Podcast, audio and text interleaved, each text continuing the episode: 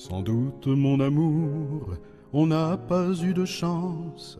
Il y avait la guerre et nous avions vingt ans. L'hiver de soixante-dix fut hiver de souffrance et pire est la misère en ce nouveau printemps. Les lilas vont fleurir, les hauteurs de Belleville, les versants de la butte et le bois de Meudon. Nous irons les cueillir en des temps plus faciles. La commune est en lutte et demain nous vaincrons. Nous avons entendu la voix des camarades, les Versaillais infâmes approchent de Paris. Tu m'as dit, avec toi, je vais aux barricades. La place d'une femme est près de son mari. Quand le premier de nous est tombé sur les pierres, en dernière culbute, une balle en plein front. Sur lui tu t'es penché pour fermer ses paupières. La commune est en lutte et demain nous vaincrons. La commune est en lutte et demain nous vaincrons.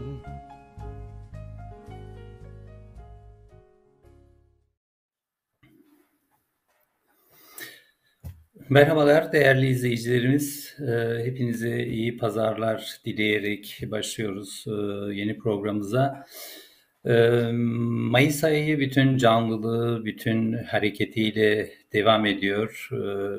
Ve özellikle Mahir Çaya'nın, Deniz Gezmiş'in kayıplarının üzerinden geçen yarım yüzyıl bunların anısını yad etmeye dönük çalışmalar, sempozyumlar, dijital ağlardaki anma ve tartışmalar, bunlar bize her şeyin yeniden oluştuğu, e, bütün e, kültürel, siyasal, ideolojik paradigmaların bir bakıma yeniden oluştuğu, siyasal dengelerin yeniden oluştuğu bir dönemde e, muhalif dinamiklerin, e, toplumsal hareketin, yeni nesillerin e, tarihte kendilerine nasıl referanslar e, aradıklarını da gösterdi. E, ve Kaypakkaya bu konuda e, bildiğimiz e, ışıldayan e, figürlerden biri olarak bu yıl daha geniş kapsamlı konuşuldu ve konuşulmaya, tartışılmaya devam ediyor. Bir bakıma arkeolojik bir kazıyla yeniden keşfediliyor Kaypakkaya. Ne yazık ki Kaypakkaya'nın ideolojik, politik hattına karşı e, sol entelektüel e, cephede dahil olmak üzere e, bir sessizlik içinde geçiştiriliyordu. Ee, ve zaten e, sistem ve onun e, malum e, kalemleri, bilgi odakları bunun üstünü betonlamaya çalışıyorlardı. Ama bugün bir bakıma gururla e, görüyoruz ki e, Kaypakkaya sadece e, sorgu, ağır işkenceli sorgu seanslarında e, sıkı yönetim sorumlularının şahsında e, devlete karşı gösterdiği e, cesaretle değil, sadece ser verip sır vermeme metaforuyla değil, aynı zamanda resmi ideolojinin doğmalarına karşı, resmi ideolojinin şahsında egemen ideolojinin e, klişeleriyle, paradigmalarıyla hesaplaşma cesareti bu yanıyla e, bilimsel cesaretiyle de konuşuluyor. Bizler de bugün daha önce de e, duyurduğumuz gibi ee, bugün Kaypakkaya'nın tarihe bakışı, tarih kavrayışı, e, tarih bilincini nasıl bir e, tarihi sorumlulukla e, taşlandırdığı ve bunun mücadelesine giriştiğini bakacağız. Aynı zamanda burada kullandığı bilimsel yönteme bakacağız ve konjonktürel olarak değişen, hareket eden hayatın e, o dönemin işte Çin, Sosyalist Çin, işte Sovyetler Birliği, e, birebir e, polemiklerle mücadele ettiği şafak revizyonizmi ve bir takım taktik e, şeyler, siyasal tespitler e, bugün yok. E, nedir Kaypak Kaya'nın yaşayan özü? E, bu konjonktürel harekete paralel olarak e, yeniden güncellenmesi gerekli olan e, bazik şeyleri, tespitleri, görüşleri nelerdir? Günümüzde de e, ışık tutan ve belki ışıkları e, gelecek döneme vuran. E, evet, Kaypak Kaya'yı bu boyutlarıyla konuşacağız. Biraz daha somut olsun diye daralttık.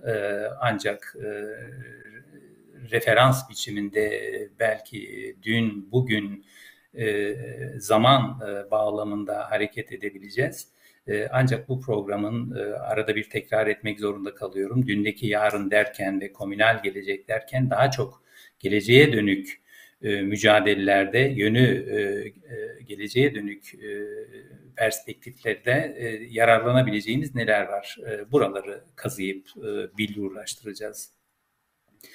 E, konuklarımı biliyorsunuz. E, bugün e, Mehmet Akkaya e, hoca da aramızda olacak. E, Mehmet Akkaya'yı da tanıştırmıyoruz zira çünkü Komün TV'deki Felsefenin Gözü programından biliniyor. E, Mehmet Akkaya e, ara verdiği o programdan sonra da bizi izlediğini ve bizimle omuz omuza olduğunu biliyoruz.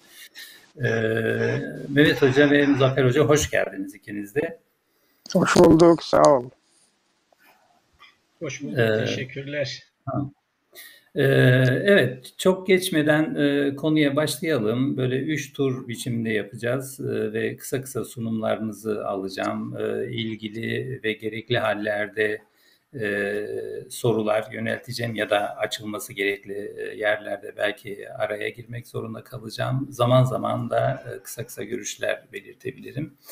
E, Mehmet Hoca ile başlayacağız. E, Kaypak Kaya'nın tarihe bakışı, tarih bilincinden e, anladığı şey, tarih okuması, eleştirel tarih yaklaşımı e, bu konularda ve bugüne bugüne taşınabilecek, bugün işimize yarayabilecek e, bu canlı ve dinamik e, şey yaklaşımı hakkında neler e, söyleyebiliriz? Buyur Mehmet Hoca söz senin. E, teşekkür ederim. E, Sayın seyirciler, e, sizleri de e, Mayıs e, ayında e, kaybettiğimiz e, e, insanlara öncelikle saygılarımı e, göndermek istediğimi belirtir. Sizleri de selamlıyorum. E, tabii böyle bir programda önce ben e, kendi pozisyonuma e, uygun e, müsaade ederseniz bir iki noktanın altını e, çizmek istiyorum. E, bugün bu konu tabii Kaypak çok e, özel bir insan Türkiye devleti içerisinde. Son 50 yılı da dikkate aldığımızda uluslararası boyutu da olan e, bir hareketin kurucusu e, haline gelmiş birisi. Dolayısıyla onunla ilgili konuşmak sorumluluk istiyor. E, burada bu programın izleyicilerinin de genellikle e, Kaypakya'ya geleneğine uygun kesimlerden oluştuğunu düşünürsek e, biraz da bilinen şeyleri e, söylemek durumunda kalır mıyım diye bir kaygım var. İkincisi e, Oruçoğlu gibi bir e, kişiyle bu programa katılmam da galiba talihsizlik örneği olmuş olabilir. Çünkü biz Kaypakya ile ilgili pek çok bilgiyi de e, eksik kalan kendi kafamıza göre yorumladığımız yerleri e, Oruçoğlu'nun e, sürekli konuyla ilgili yaptığı yayınlardan dolayı öğrenmiş oluyoruz. Onun bulunduğu platformda da biraz sakınarak konuşacağımı da belirtmek isterim. Evet, Ayrıca tabii ben geleneğin içinden birisi olmadığım gibi ayrıca politik aktivist olarak da tanınan bilinen birisi değilim. E, böyle bir dezavantajlı durumum var. Ama avantajlı durumum da şu, bu gelenek de dahil e, bütün e, Marsilya'nın genel sorunlarıyla ilgilenen birisi e, olmam belki bir avantajdır. Dolayısıyla siyaset felsefesi, siyaset sosyolojisi, siyaset psikolojisi, epistemoloji, tarih ve benzeri konularda da çalışmalar yapan birisi olmam. E, böyle bir konuda e, söyleyeceklerimin e, özgün yanlarını işaret edebilir diye düşünüyorum. Şuradan başlayayım ben meseleye. Biz geçen hafta yine bir internet televizyonunda yine 18 Mayıs ve Kaypakaya'yı konuşuyorduk. İbrahim Kaypakaya'nın kardeşi Alekber Kaypakaya bir mezardan bir canlı yayın yaptı bir 5-10 dakika. Onun konuşması içerisinde üç nokta ilgimi çekti. Ee, onunla ben başlamak istiyorum. olarak diyor ki e, Marx'ı ve Mao Zedong'u bana diyor hep e, hatırlatır e, diyor. Üçüncü olarak da e, diyor ki e, ağabeyimin diyor cenazesi bu köye gelip de bu mezarlığa gömüldükten sonra mezarlığın civarına bir karakol kurulması. Yani biraz da yorum yapıyor ölmüş bir insanın e, mezarının e, yanı başına karakol kurulması e, ve gelip giden herkesin işte kimlik kontrolü yapılması, e, eğer Kaypakaya ziyareti nedeniyle gel, gelinmişse özel olarak sorgudan geçirilmesi şeklinde bir bilgi. Böylece üç nokta aslında bize de yol gösteriyor olabilir. Mesela e, biz şimdi icap ederse bu tarih e, içerisinde nasıl bir pozisyonda alıyor ve kendisi tarihe nasıl bakıyor onu açıklarken de belki e, fark ettireceğiz. Diyelim ki Ankara Karşıyaka mezarlığında da dönemin çok değerli devrimcileri işte başka da Mahir Çayan olmak üzere deniz gezmiş arkadaşları daha çok sayıda işte bu Sivas'ta kaybettiğimiz insanlar dahil olmak üzere e, pek çok mezar var. E, mesela biz e, bir iki hafta önce birkaç otobüs olarak e, oraya gittik ve bu devrimcilerin e, mezarlarını e, ziyaret ettik. Orada böyle bir e, durumla karşılaşmamız da karşılaşmamız da e, benim için e, bir konu olmuştur. E, sayın seyirciler, e, Pakkaya e, ben derim ki eğer abartılı bulunmazsa nasıl ki Marksist teoride evrensel planda kendisi Marx kendisine kadar gelen bütün felsefi geleneği tersine çevirip ve bunu da Hegel üzerinden söylerken biz Hegel'in baş aşağı duran diyalektiğini ayakları üzerine oturttuk demesindeki anlam gibi bir anlamı e, Türkiye e, devrimci hareketine armağan etmiş bir kişidir. Aynı şeyi e, Kaypakaya Türkiye'de e, baş aşağı duran bütün sistem, tarih bilinci de bunların başında gelmek üzere bütün sistemi ayaklarının üzerine Celali ayaklanmalarıyla yakından ilgilenen, Osmanlı feodalizmini anlamaya çalışan ve Osmanlı ile Türkiye e, modern Türkiye'ye geçiş süresi, sürecindeki ilişkileri ele alması bakımından da tarihsel materyalizmi çok uygun bir yöntemle tarihe uyguladığını görüyoruz.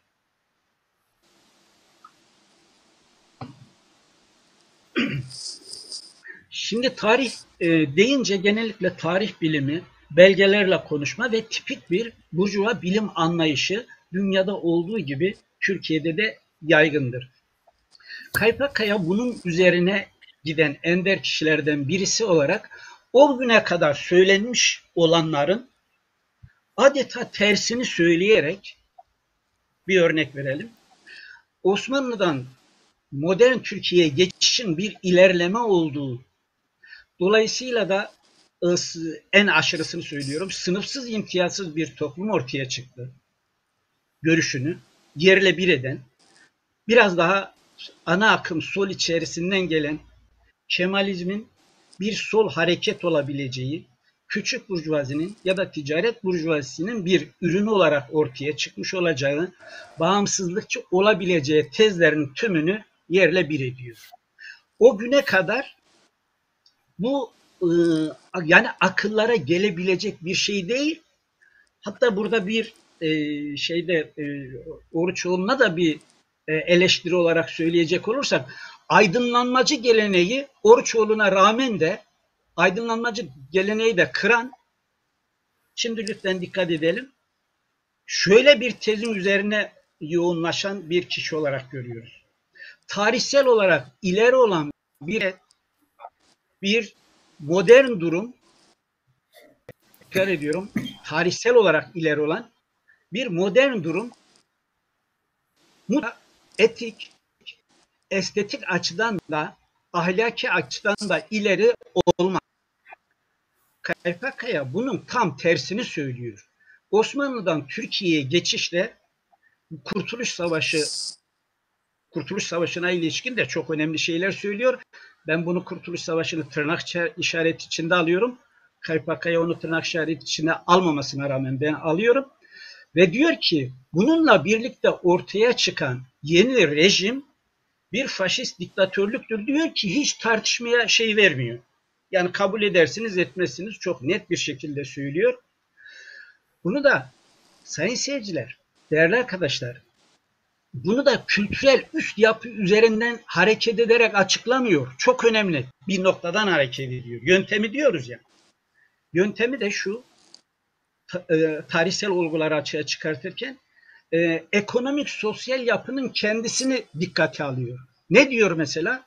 Kurtuluş Savaşı'na diyor, bazı çevrelerin diyor zannettiği gibi milli burjuvazi ya da küçük burjuvazi ya da ticaret burjuvazisi tek başına önderlik etmemiştir. Çok net bir şey söylüyor, çok önemli.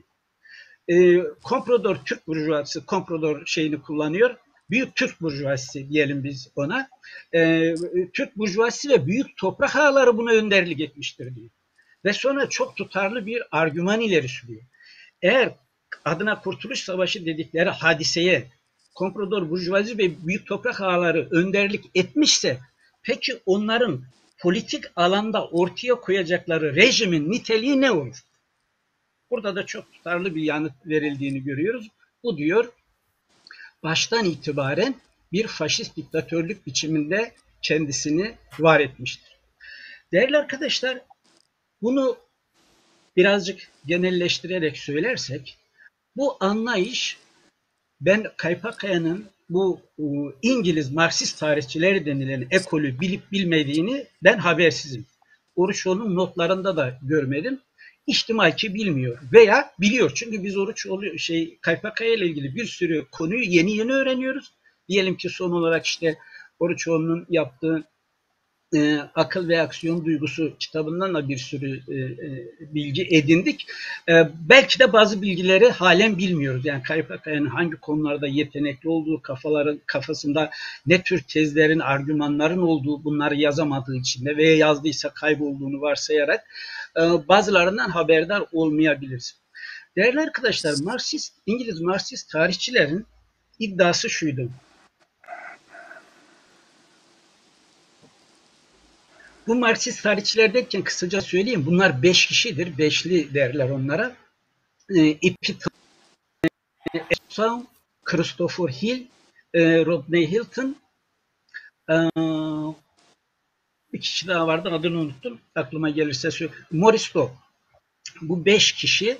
Bunların iddiası şuydu. Diyorlar ki bugüne kadar tarih egemen sınıflar tarafından yazıldı bu yukarıdan tarihtir terim olarak söylenirse kavram olarak. Biz diyorlar aşağıdan tarih yazımını savunuyoruz. Dolayısıyla emekçilerin tarihi henüz yazılmadı. İşte, o, o, İpi Thompson'un ünlü kitabını biliyorsunuz. Engels'in kitabına da benzeyecek şekilde İngiltere'de işçi sınıfının doğuşu. Ee, işçi sınıfının doğuşunun arkasında feodalizm ve kölelik dönemindeki halk ayaklanmaları büyük örnekler de vererek kitapta anlatır. Ben burayı şöyle kısa keseyim bilmiyorum ka, ka, ne kadar konuşmalıyım. Şey Erdal arkadaş da oradan beni ikaz ederse sevinirim. Biraz ya 3 dakikaya toparlayabilirsen diğer turlarda ge, yeri yani gereği olduğunda açabiliriz. 3 yani dakikada tamam. toparlayabilirsen sevinirim. Şimdi bu o, Marksist tarihçiler demek ki e, tarihimizi emekçilerin tarihinin bugüne kadar e, egemen sınıflar ta, tarafından yazıldığı artık biz Marksist teoriye bağlı olarak onun yöntemlerini kullanacak. Emekçilerin tarihini biz yazabiliriz demişlerdi. Bunun Türkiye'deki örneği olarak ben derim ki tipik örneği e, İbrahim Kaypakkaya tam da e, İngiliz Marksist tarihçiler gibi özel olarak tarihin bir teorisini yapmış olmasa bile e, tarihe bakış açısı ve tarihten çıkarttığı e, sonuçlar itibariyle e, bunu görüyoruz. Dolayısıyla e, Kaypakkaya kendi tarihine baktığı zaman e, öncelikle halk hareketlerini görüyor. Bunu da bu tarih bilincini, bilincini de yapmak istediği e, teorinin bir bileş, e, bileşkeni olarak e, sergilediğini e, görüyoruz. Çünkü kendisi kendi teorisi e, daha çok e, Kürdistan, Anadolu, Mezopotamya e, buralarda yarı feodal e, yapılanmanın e, yapılanmadan hareketle e, teori ortaya konacağı için oradaki değerler de kendi e, başına önem kazanıyor. Fakat bütün bunlar içerisinde e, şöyle bir e, yani halk bunlar çünkü biraz spesifik terimler halk hareketiyle işçi hareketi, halk tarihiyle işçi tarihi aynı şey değil. Bunlar arasında sürekli diyalektiği gözeten, kendisine özgü kavramlar şu anda iddialı konuşmayayım. Kavramlar kullanmıyor olsa bile en azından Marx, Engels, özellikle de Lenin'in, e, Stalin'in ve Mao Zedong'un bilhassa terimlerini e, kullanarak e, teorisini kurmaya çalışmış. Bu arada e, arada konusu olur da söyler miyim bilemiyorum. Bu bağlamda şunu eklemek lazım. E, bunu o, bazen Oruçoğlu da yapıyor, Ardırları da yapıyor. E, Çin kültür devrimden etkilendi gibi ifadeler. Değerli arkadaşlar, düşünceler başka toplumların düşüncelerinden sadece etkilenir, küçük etkiler alır. alır. Asıl olarak düşüncelerin e, e, doğasını belirleyen o düşüncelerin ortaya çıktığı kendisidir. O coğrafyanın kendisidir. O coğrafyadaki biçimleridir. O, dolayısıyla e, Kaypakkaya e, tarih e, düşüncesini e, bu topraklara uygularken kendi yöntemini de ben derim ki asıl olarak e, yaşadığı coğrafyadan yani Türkiye koşullarından çıkartmıştır. Elbette tezler, teoriler, kavramlar açısından e, başka e, toplumların e, tecrübelerinden yararlanılabilir. Ben burada şimdilik bir e, ara vereyim. E, tekrar e, devam tamam. ederiz. Buyurun. Tamam, teşekkür ederim Mehmet Hoca.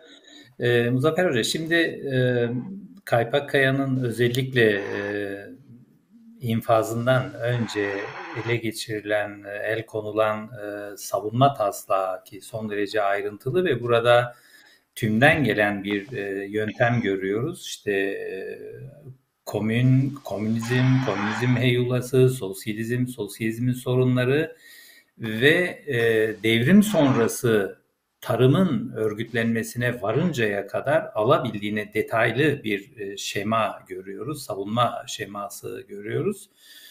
E, burada dün, bugün ve yarın arasında bir zamansal bağ kuruluyor. E, sadece Kaypakaya sadece yani bilinen, çok bilinen, bu neredeyse popüler düzeyde bilinen Kemalizm ve milli mesele konusundaki tezlere sıkıştırmak yerine biraz bunun dışına çıkarak Kaypakkaya'nın e, bu yani sadece Çin devrimi, kültür devrimi de değil, daha geniş bir e, politik ve teorik ufuk görüyoruz. Bu ufukla e, zaten e, tümden başlayarak kendi coğrafyasına geliyor ve bir şey e, savunma taslağı oluşturuyor. E, genel olarak bu e, tarih bilinci, tarihe yaklaşımı, kavrayışı, buradaki sağlamlık, buna dair e, görüşlerini belirtirken e, Mehmet Hoca'nın söylediği bu e, aydınlanma, aydınlanmacı gelenek meselesindeki söylediklerine dair de görüş belirtirsen e, umarım daha şey olur, biraz o sınırların dışına çıkarız. Buyur. Teşekkür ederim. Sağ olun. Arkadaşlar sevgiyle selamlıyorum. Ee, tabii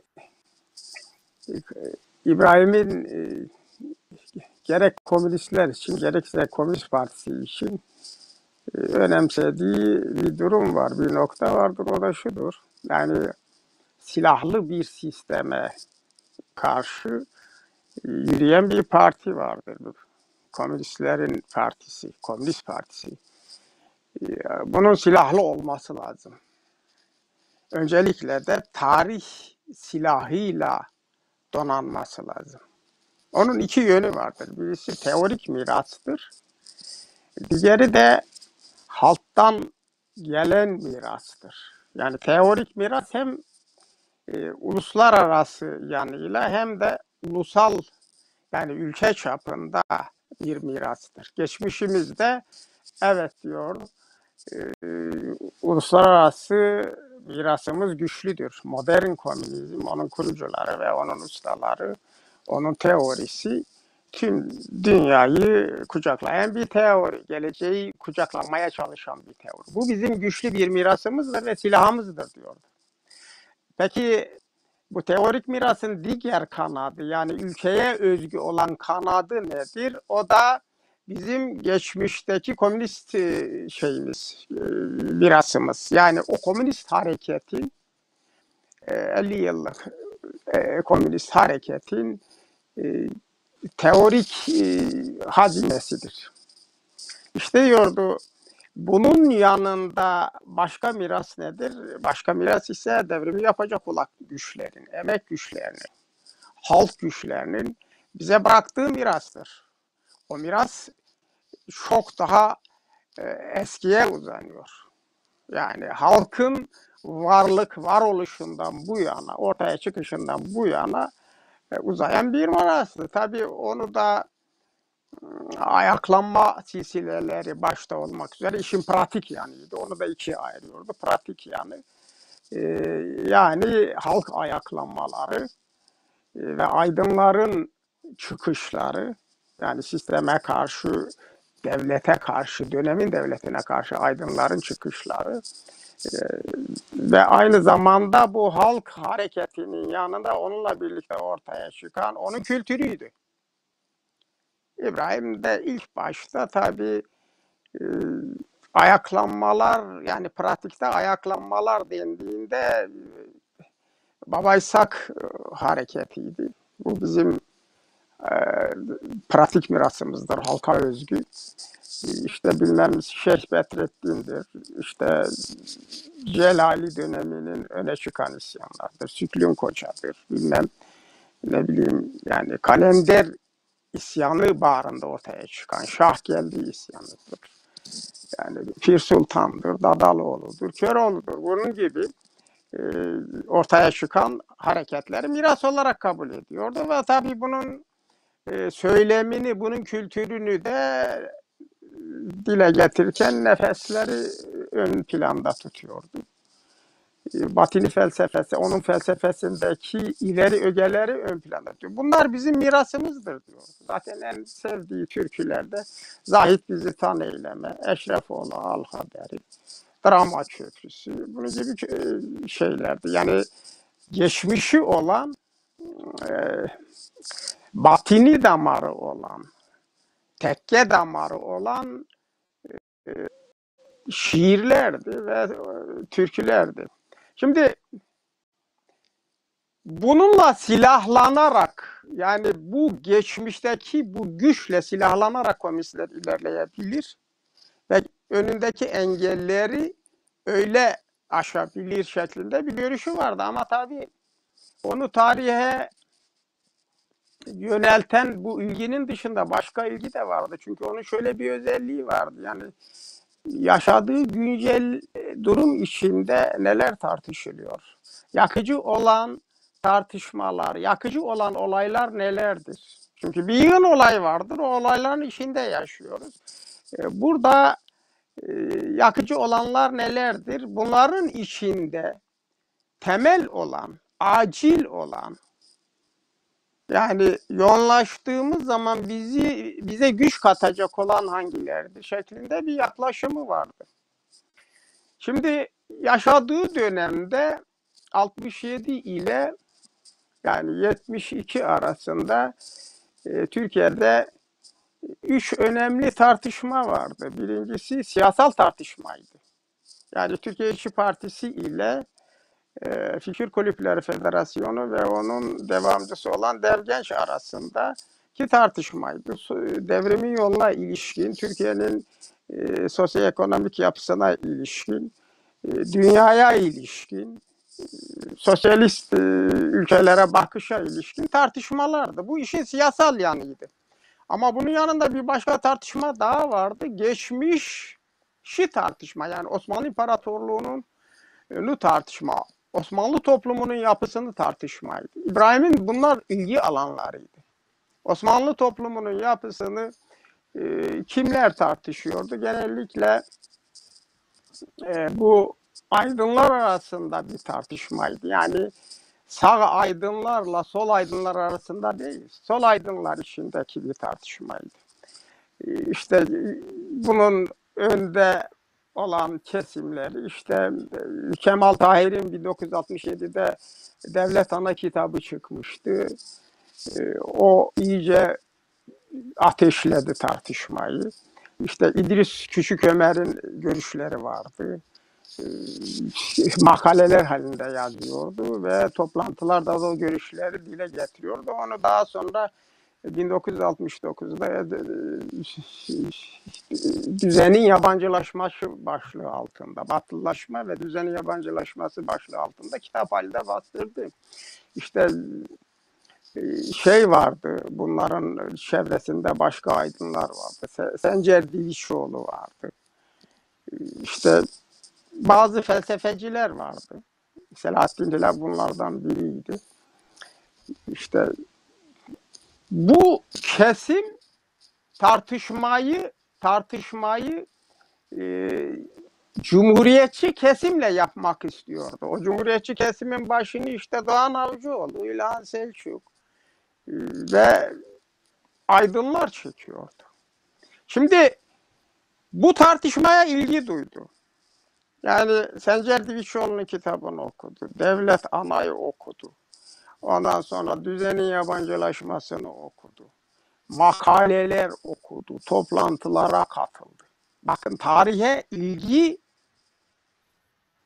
ortaya çıkıyor. Onu anlatmaya çalışıyorum. Makaleler topladı ve bu süre içinde e, bu Beyazıt'taki kütüphane vardı. Oraya gidip geliyordu. Arkadaşların evlerinden kitaplar alıyordu. Ee, şeyde de vardı, okulda da ama tabii dergiler, kitaplar bunların içinde e, en çok şeyi tercih etti.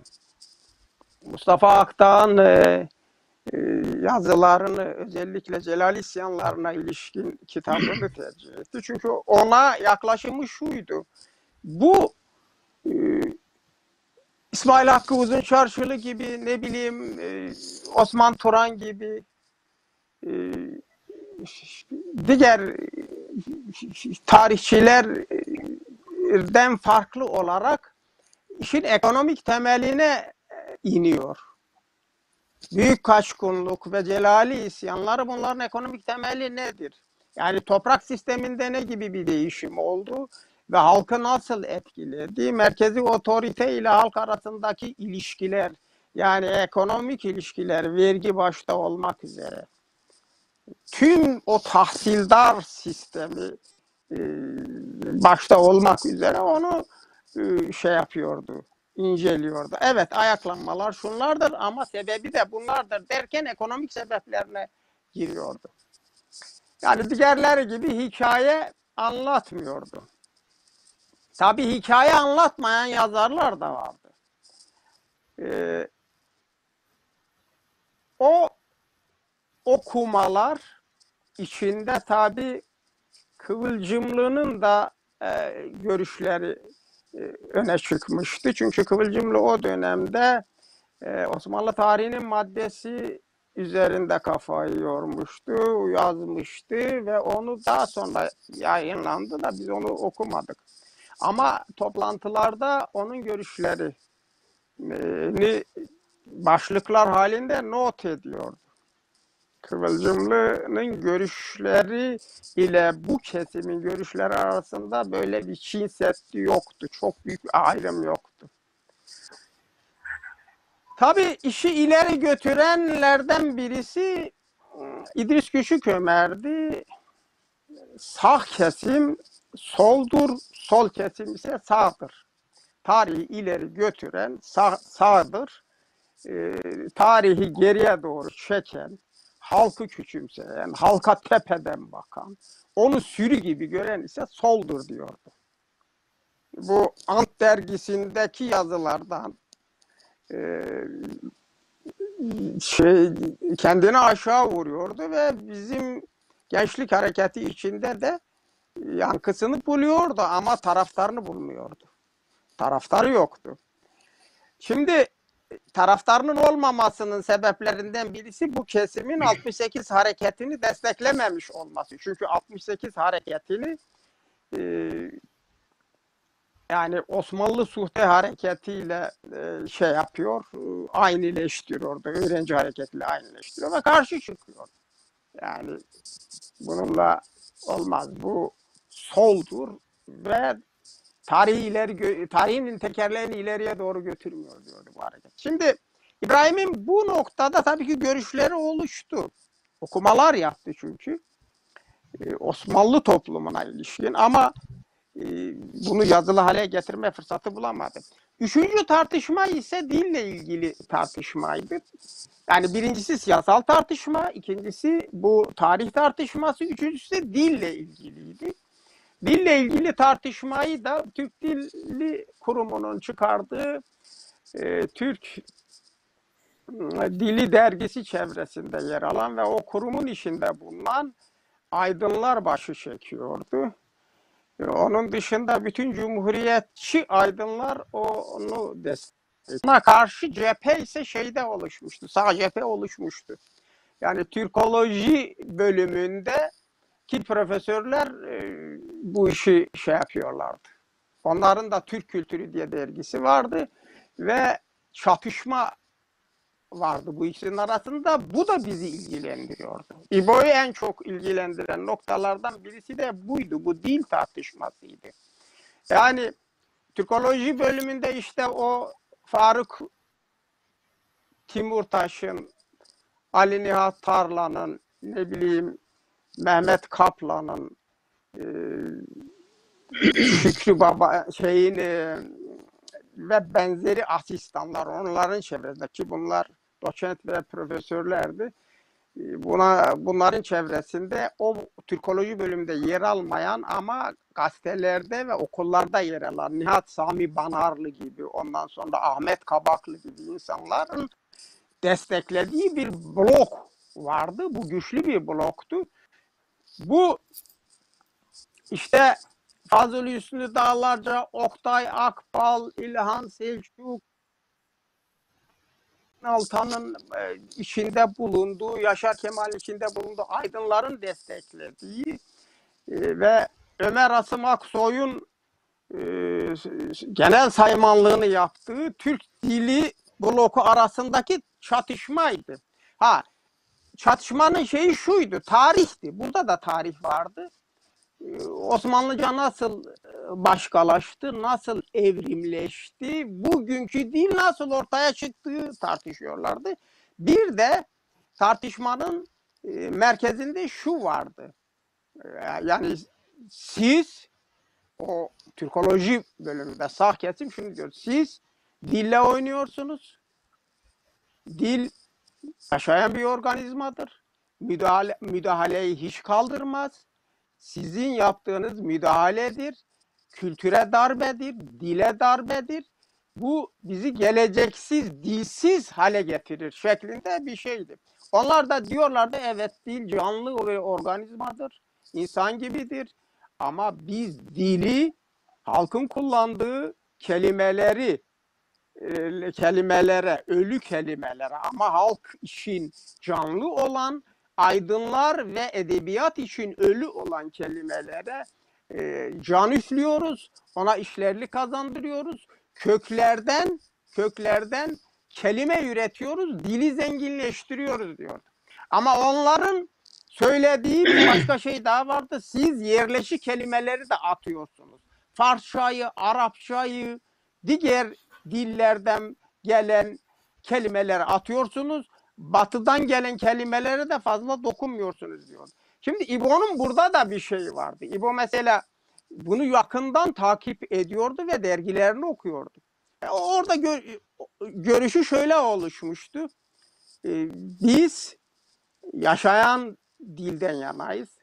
Halkın kullandığı, halkın anladığı dilden yanayız. Biz yerleşmiş Farsça, halk tarafından kullanılan yerleşmiş Farsça, Arapça gibi kelimelerin atılmasına karşıyız. Ama halkın kullandığı, aydınların kullanmadığı kelimelerin de e, halkın dışındaki güçlerin kullandığı dil. Yani mesela diyelim ki İstanbul şey, şey, dili ve edebiyat dili, yazılı dile girmesinden yanayız diyordum. Ama bununla yakın ilgilenmesinin nedeni şüphesiz şuydu. Yani dil sadece bir iletişim aracı değil, iletişim aracı değil, insanla birlikte var olan, ona anlam katan, ona anlam katan, onu ileriye doğru iten bir organizmadır. Canlı bir organizmadır. Biz bunu kavrarsak, bununla iyi bir şekilde donanırsak halkla çok daha yapıcı, derinlikli, yaratıcı ilişki kurabiliriz diye bir şey. Onun derdi e, dili tanıma, dille donanmak ve dolayısıyla halkı daha şumüllü bir şekilde kavramaydı. Derdi buydu. Şimdi tabii düşünüyorum da ya o dönemde ondan bundan borç alıyordu. Yani sağcıların dergisi, ikinci yenicilerin dergisi, yani edebiyat dergisi, siyaset, siyaset dergileri, yani dergilere boğulmuş gibi bir hali vardı. Sonra ne oldu? Bildiğiniz şey oldu. Yani Şunurov'un kitabıyla, Aralov'un kitabıyla, Aralov'un kitabını hiç tutmadı. Aralov'un anılarını hiç tutmadı. Şunurov'un kitabı bir kıvılcım oldu ve onun bu tarihsel birikimini geçmişe yönlendirdi. Geçmişe iki türlü yönlendi. Bir, Kurtuluş Savaşı'nı e, tahlil etme, ondan sonraki dönemi tahlil etmek. İki, diyeyim, teorik yani TKP'nin izlediği çizgi, pratik çizgi ile teorisini tahlil etmek. Buna yönlendi. Şimdi zaten Evet. yönteminde şu, ben doldur doldu galiba değil mi? Ha, yok yok şey Oldu e, yavaş yavaş topa, yavaş yavaş toparlayabilirsin ilk e, bölümü. Onu hatırlatacaktım. Buyur devam. Yani şöyle bir şey vardır. Olgulara yaklaşırken veya toplumun içine girerken kafasında şu var. Bir, bu bir çelişkiler yumağıdır. İster toplum olsun, ister ise ne bileyim bir olgu, bir sorun olsun. Çelişkilerden oluşuyor. Çelişkiler yumağıdır. Bu çelişkiler yumağı içinde aklın hayalin almadığı sayısı çelişki vardır. Ama belli başlı çelişkiler de vardır. Belli, bizim e, görevimiz o belli başlı çelişkileri tespit etmek. O belli başlı çelişkiler içinde de temel olanla baş çelişkiyi tespit etmek. Temel olan çelişki bütün çelişkileri belirliyor. Baş çelişki ha, olabilir o temel çelişki aynı zamanda. Ha, şu da olabilir temel çelişkidir ama baş çelişki değildir. Ha yumağın ilmiği gibi görüyordu baş çelişkiyi. O ilmiyi yakaladığımızda yumağın çözümüne yol açacak bir yol. Bunu bütün bütün bölgelerde tahlil yazılarında da düşünsel teorik yazılarında da berrak bir şekilde görüyoruz. Evet. Evet. Tamam abi, teşekkür ederim. Ee, Mehmet Hoca şimdi e, tabii zaman da hızlı geçiyor. Ee, konular da oldukça enli boylu.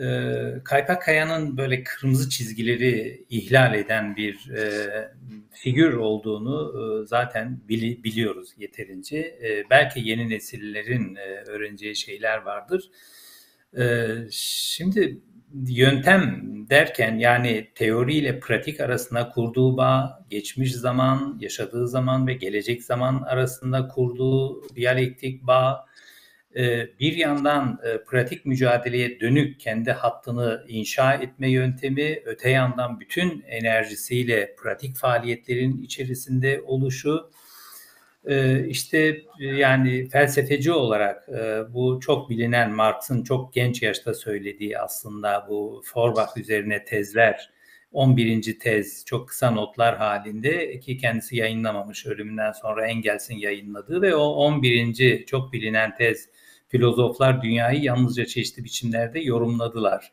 Oysa sorun onu değiştirmektir. Bu bazen şöyle anlaşılabiliyor. Sanki yorumlama işinden vazgeçiyoruz. Yorumlama işi bitti. Ee, sorun sadece değiştirme faaliyetinde. Oysa o değiştirme çabasının kendisi bile bir üretim faaliyeti. Ee, ama esas doğrultu e, değiştirmenin hizmetine koşulmasıdır e, tüm o teorik hazinenin. Şimdi İbrahim'e daha yakından bakmamız gerekiyor ve bugünle bağını kurarak. Çünkü şu sorular da sık sık soruluyor. İbrahim ya da işte Mahir Çayan e, devrim de sanıyorum e, birçok soru içerisinde sormuş. E, biraz Çin devrimi ve Küba devriminden tek taraflı bir etkilenme yok muydu? Yani böyle biraz dogmatizmi çağrıştıran etkiler e, ya da işte dönemin tipine biraz haksızlık yapılmadı mı bugünün e, HDP'siyle çalışanlar tarafından mesela e, Kaypakkaya'daki pratik örgütlü Neye mücadeleye haksızlık yapılmadı mı dedin onu anlamadım. E, tip dönemin, dönemin Türkiye dönemin dönemin Türkiye İşçi Partisi'ne e, biraz ha. haksızlık yapılmadı mı e, sizin kuşak tarafından? E, ama tabii e, yani kopma, radikal kopma, e, devletle pratik olarak çatışma, sonra resmi ideolojinin kırmızı çizgilerini ihlal etme, özellikle İbrahim tarafından alabildiğine geniş konular. Sadece teori pratik e, ve pratik mücadelede kullandığı yöntem yani değiştirme eyleminde Kaypak Kaya'nın yöntemi bu yöntemde varsa düştüğü yanlışlar e, ki şey yani Kaypak Kaya'nın tek taraflı yüceltilmesi biçiminde e, eleştirel e, gözlemler ve sorular da olabiliyor izleyicilerimiz tarafından. E, bütün bunlara toplu bir e, bakış e, sunacak olursan neler söylemek istersin? E, buyur. 10 dakikaya neler sığdırılabilir bilemiyorum. Buyur söz senin. Teşekkürler.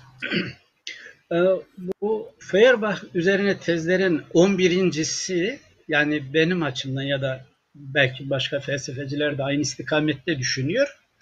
Ee, yani varlığı boyu e, olur. Bir maddi boyut olur, bir düşünsel boyut olur.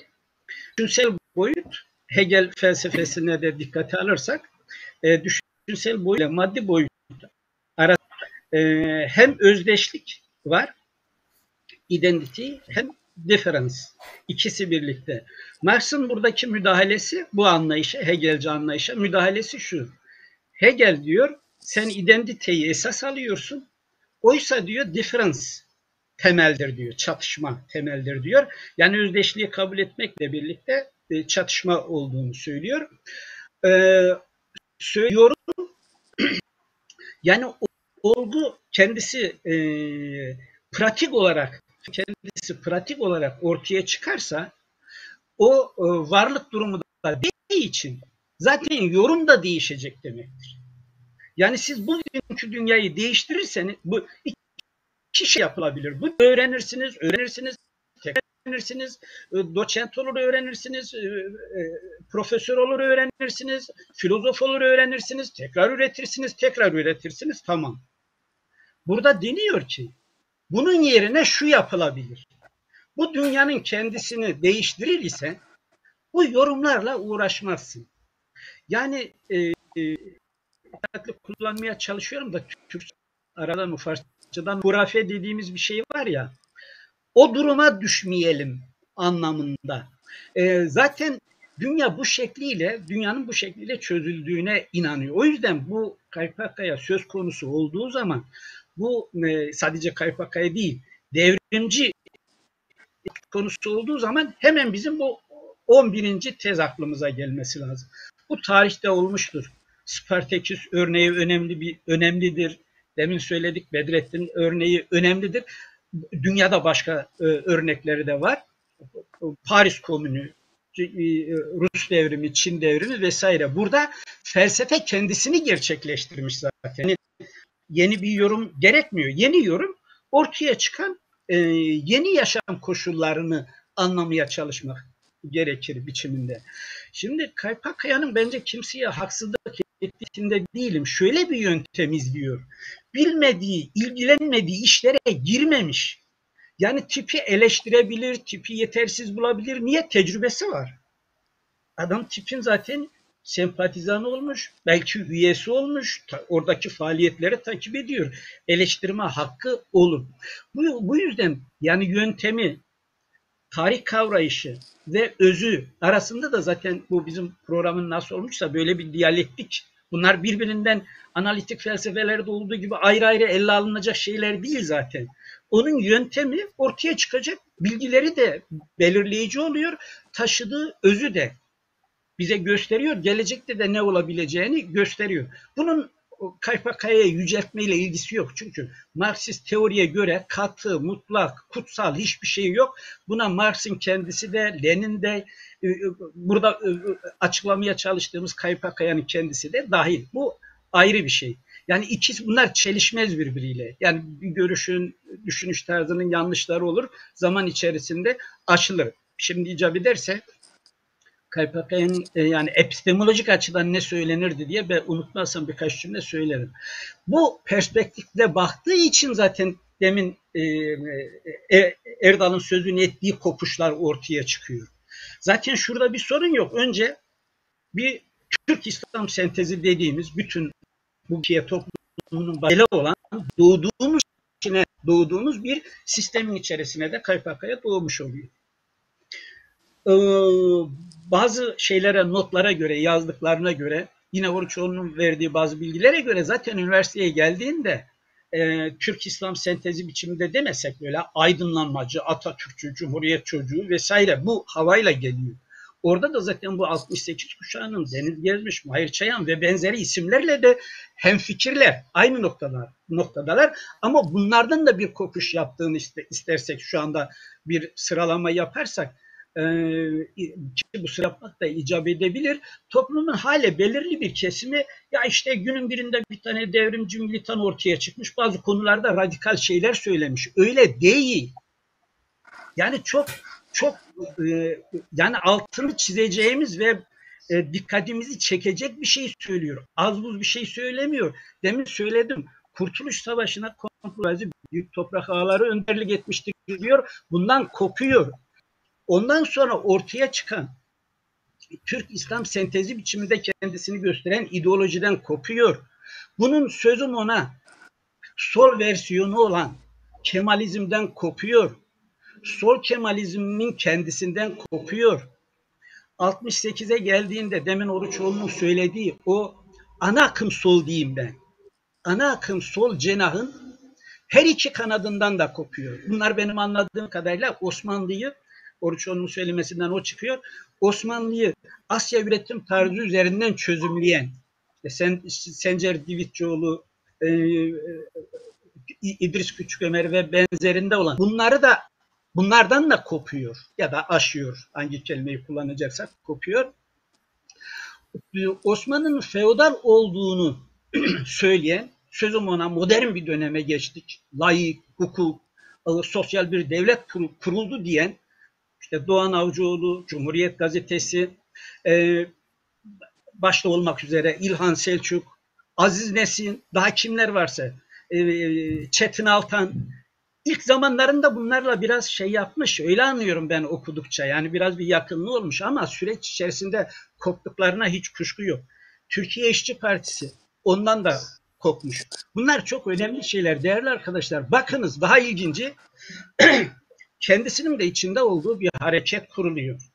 o hareket işte şey PDA dedikleri şimdi bazı yorumlara göre kontrgerilla cephesinde olan bir hareketin içerisinde vakti zamanında.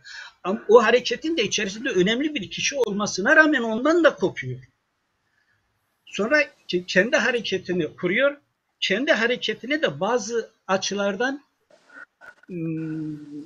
eleştirel bakabiliyor. Diyeceksiniz ki bunu nereden çıkartıyorsunuz? Bir yerlerde okudum bir cümlesi var.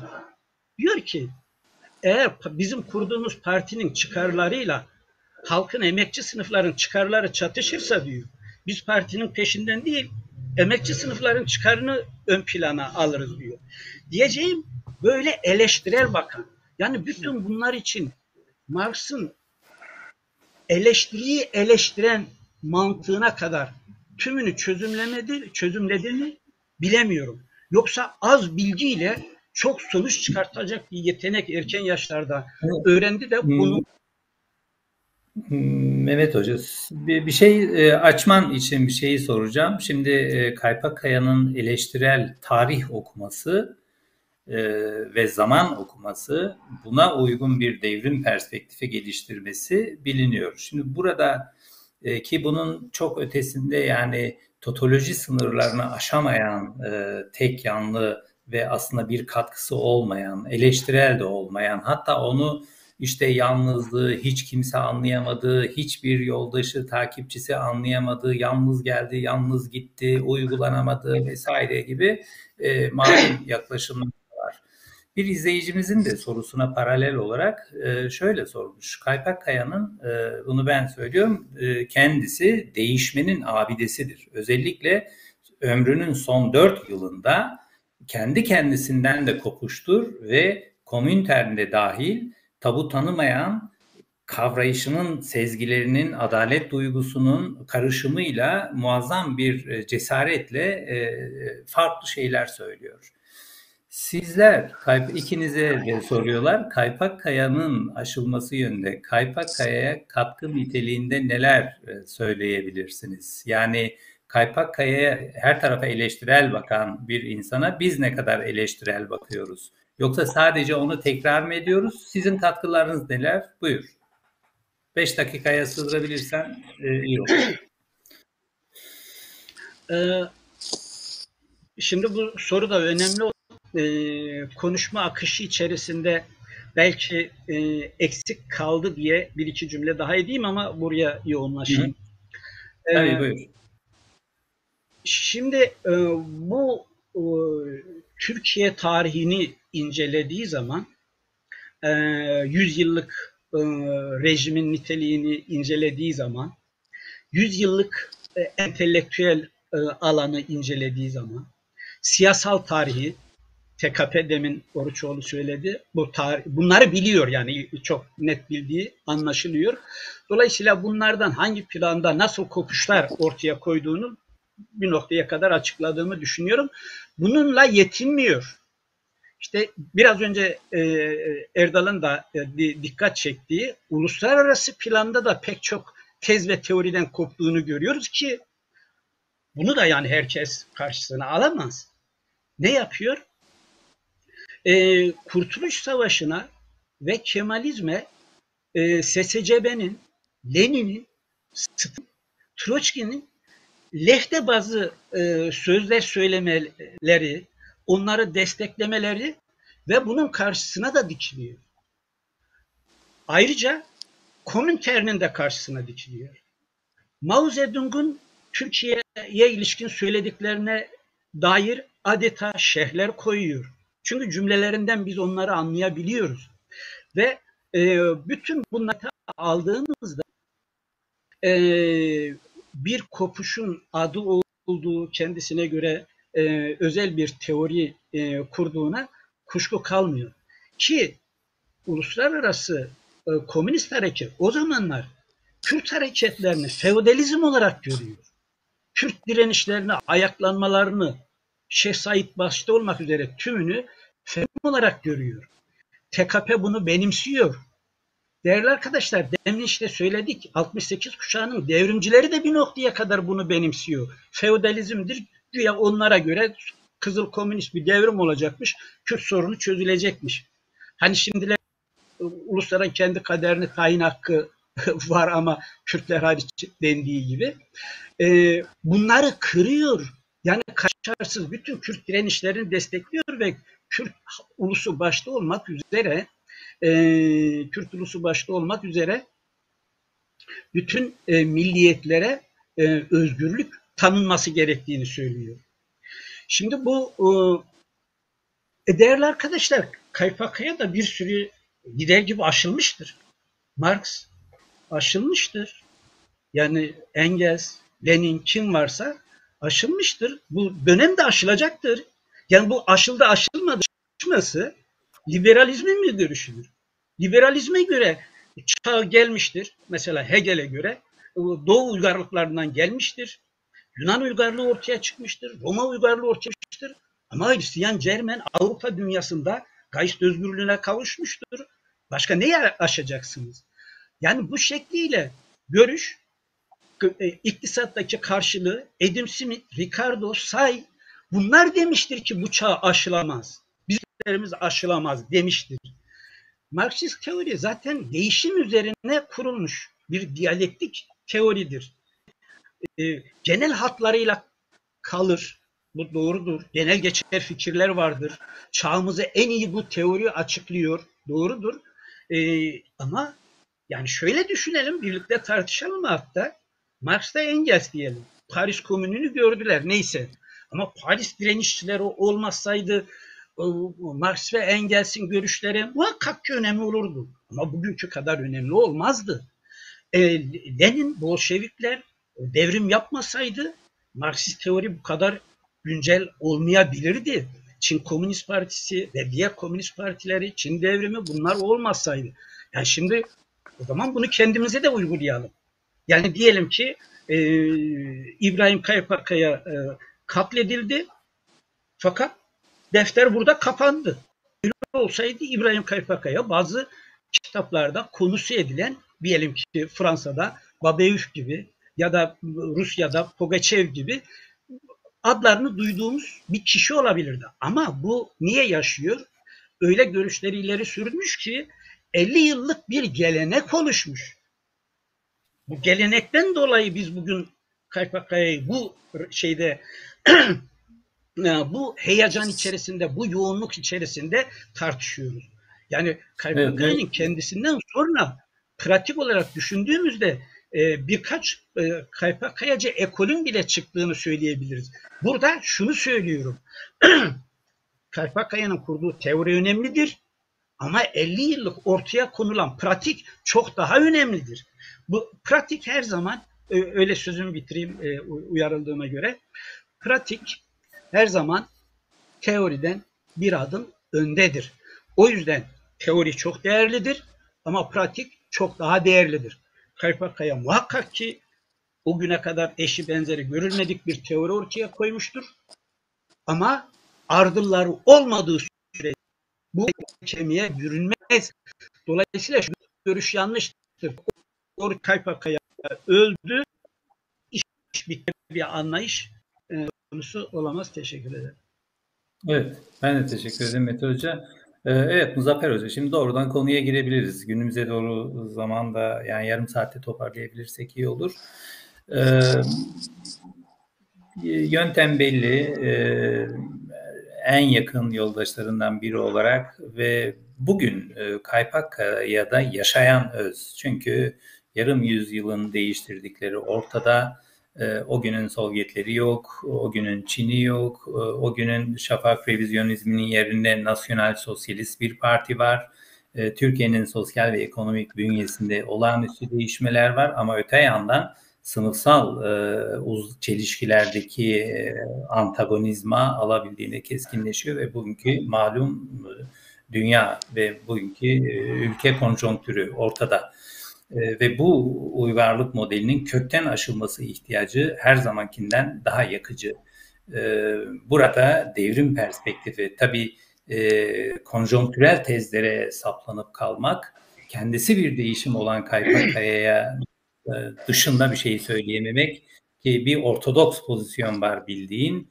e, bu ona uymuyor, bu 11 ülkeye uygun değil, şurası işte milli meseleye ya da mücadele biçimlerine aykırı, e, onu donduran e, ne kadar liberal bir pozisyona çekilebilir, e, şeyi düzen sınırları içinde kabul edilebilir hale getirilir. Bu çok zor bir iş. E, çünkü el yakan bir e, kaypak kayadan söz ediyoruz. El avuca sığmayan ve bir de bunun sentezini yakalamaya çalışan bir şey. Şimdi hem sizin e, katkılarınızı soran, yani yarım yüzyılın ardından kaypak kayayı güncellerken söylememiz gereken somut şeyler nelerdir? Hem teorik, e, politik, ideolojik politik hatta dair, e, hem mücadele yöntemlerine dair e, ve e, hem de örgütsel araç gereçlere dair buyur. Teşekkür ederim. Şimdi önce şu noktayı belirteyim. Yani e, İbrahim'de komünist olma, devrimcilik e, sorunu e, şurada çok berrak bir şekilde ortaya çıkıyor. Devrimcilik mi diyor? Şimdi, şu anda. Tarih mi? Tarih geçmişte değil, şu şimdi de. Şimdi. Gelecek mi? O şimdi diyor. Yani geçmişi ve geleceği mevcut olanda yoğunlaştırmak ve silah haline getirmek. Ama tabii buradan ne anlam çıkıyor? Bu bir yöntem. Ama tabii bir bakış aynı zamanda yani devrimcilikle ilgili bir bakış. Yani bu ne oluyor? Tarih mi? Şimdi diyor. Ama tarihin şimdi de olabilmesi için o şimdi de iki ayağının üzerinde dimdik duran komünistin o tarihle donanması lazım. Yoksa şimdi de olmaz o tarih. Geçmişte kalır. Ha gelecek mi? O geleceğin de şimdi de olabilmesi için o komünistin güçlü bir ütopyayla, gelecek ütopyasıyla, gelecek aşkıyla donanmış olması lazım. Devrimciliği şimdiye indirgeyen bir anlayış. Bu tabii zor bir iş. Her insanın yapabileceği bir iş değil. Ama bu onun tabii komünist şeyi. Bir komünist nasıl olur? Bir komünist örgütü nasıl, bir komünist partisi nasıl olmalı? Aa, sen şu gün bir tuğla koyduysan devrimi yapmış oluyorsun. Bir tuğla. Yani geleceğin devrim binasına bugün bir tuğla koyduğun anda devrimi yapmış oluyorsun. Bugün ama bugün için yapmış oluyorsun. Şimdi böyle bir yöntemi var. Tabii bu yani KPK'da şey, de var. Yani mükemmelliyetçi anlayış da var. Yani hatalara karşı amansız. Hatalara karşı ama bazı vahim hatalar karşısında da şeydir. Partiden atma eğilimi güçlü. Mesela bazı insanlarla fazla uğraşmaz. Der ki bu e, devrimci bir pratik içinde değil, okumuyor. Bununla uğraşamayız. Okuyan ve yönelimi güçlü olan taze unsurlar var. Sınıf kökeni de bize uygun olan yani sınıf mücadelesine uygun taze unsurlar var. Bununla zaman kaybedemeyiz onlara. Bunu bırakın o tarafa gibi bir yöntemi var. İkincisi yani tamam mülayim, iknacı, tartışmada gayet iknacı ama tartışmayı sonuna kadar götürmez. Bir, bir noktada keser. Sosyalist devrimler ve özellikle de Marksizmin, komünizmin ustaları karşısında eleştirel değildi. O noktada Lenin gibiydi. Ortodokstu. On, bazı teoriler, bazı teoriler konusunda da e, teoriyi e, getirip ülkeye uygulamamız halinde e, bir sonuç alabiliriz gibi bir şeye sahipti. Mesela örnek vereyim. Çin devriminin izlediği yol mesela tamam basitten karmaşığa Okey. Ama bu izlenen yolda diyelim ki devrimin şeyleri vardır. Çin şartlarına uygun şartların emrettiği biçimler vardır. Mesela diyelim kurtura, kurtarılmış bölgeler. Kendi başına yeterli ekonomik kaynaklara sahip olan bölgelerde Komünist Partisi'nin güç haline gelmesi durumunda ve halka dayanması durumunda oranın kurtarılabileceği ve kuşatılması halinde kendi başına yeterli ekonomik sahiplere kaynaklara sahip olduğu için yaşayabileceği gibi bir görüşü vardı. Şimdi feodal parçalanmışlık içinde olan bir ülkenin devrim yolundaki bu konaklarında ortaya çıkan bu durumu Türkiye'ye olduğu gibi getiriyor. Kurtarılmış bölgeler sorununu Doğu Perinçek'le tartışıyor. Yani bazı noktalarda teori taşıma özelliği var. Ama şimdi bir başka özelliği daha vardır. Yani komünist partilerin karşı çıktığı, karşı çıkabileceği noktalarda da kendi başına karar verme özelliği vardır. Bütün Kürt isyanlarını demokratik muhtevaya sahip isyanlar ve desteklenmesi gereken isyanlar olarak söylüyor. Kominterne rağmen söylüyor bunu. Ama orada şunu yapmıyor. Komintern bu noktada haksızdır demiyor. Bunu acaba Komintern'in kaynaklarından habersiz olduğu için mi böyle yapıyor yoksa haberli olduğu halde mi susarak mı yapıyor? O konuda bir şey diyemiyorum. İbrahim'e yönelteceğimiz eleştiriler aslında Marksizmi, şeyin komünizmin ustalarına yönelteceğimiz eleştirilerdir. Şimdi artık farklı 50 yıl geçmiş, yarım asır geçmiş. Biz devrimi tartışırken, değil mi? Sistemi tartışırken, yıkıntıları tartışırken İbrahim'den tabii ki farklı şeyler söyleyeceğiz. Bu kaçınılmaz. Yani bir devlet kuruyorsun. bu devletin mülkü ile bu devletin içinde yer alan memurun ilişkilerini tahlil etmemiz gerekiyor. O devlet mülkü bu memuru nasıl başkalaştırıyor? Komünistken nasıl burjuva haline getiriyor? O zaman bu devlet bir bataklık gibi görünüyor. Sivrisinek üreten bir bataklık. Biz Büyük proleter kültür devrimindeki yöntemi mi izleyeceğiz? Sivrisinek üreten bu bataklıkla uğraşmayacağız. Ama sivrisineklerle uğraşacağız. Sivrisineklerle mi uğraşacağız? Kültür devrimi bu. Kültür devrimi neticesinde güçlü bir devlet ortaya çıktı Çin'de.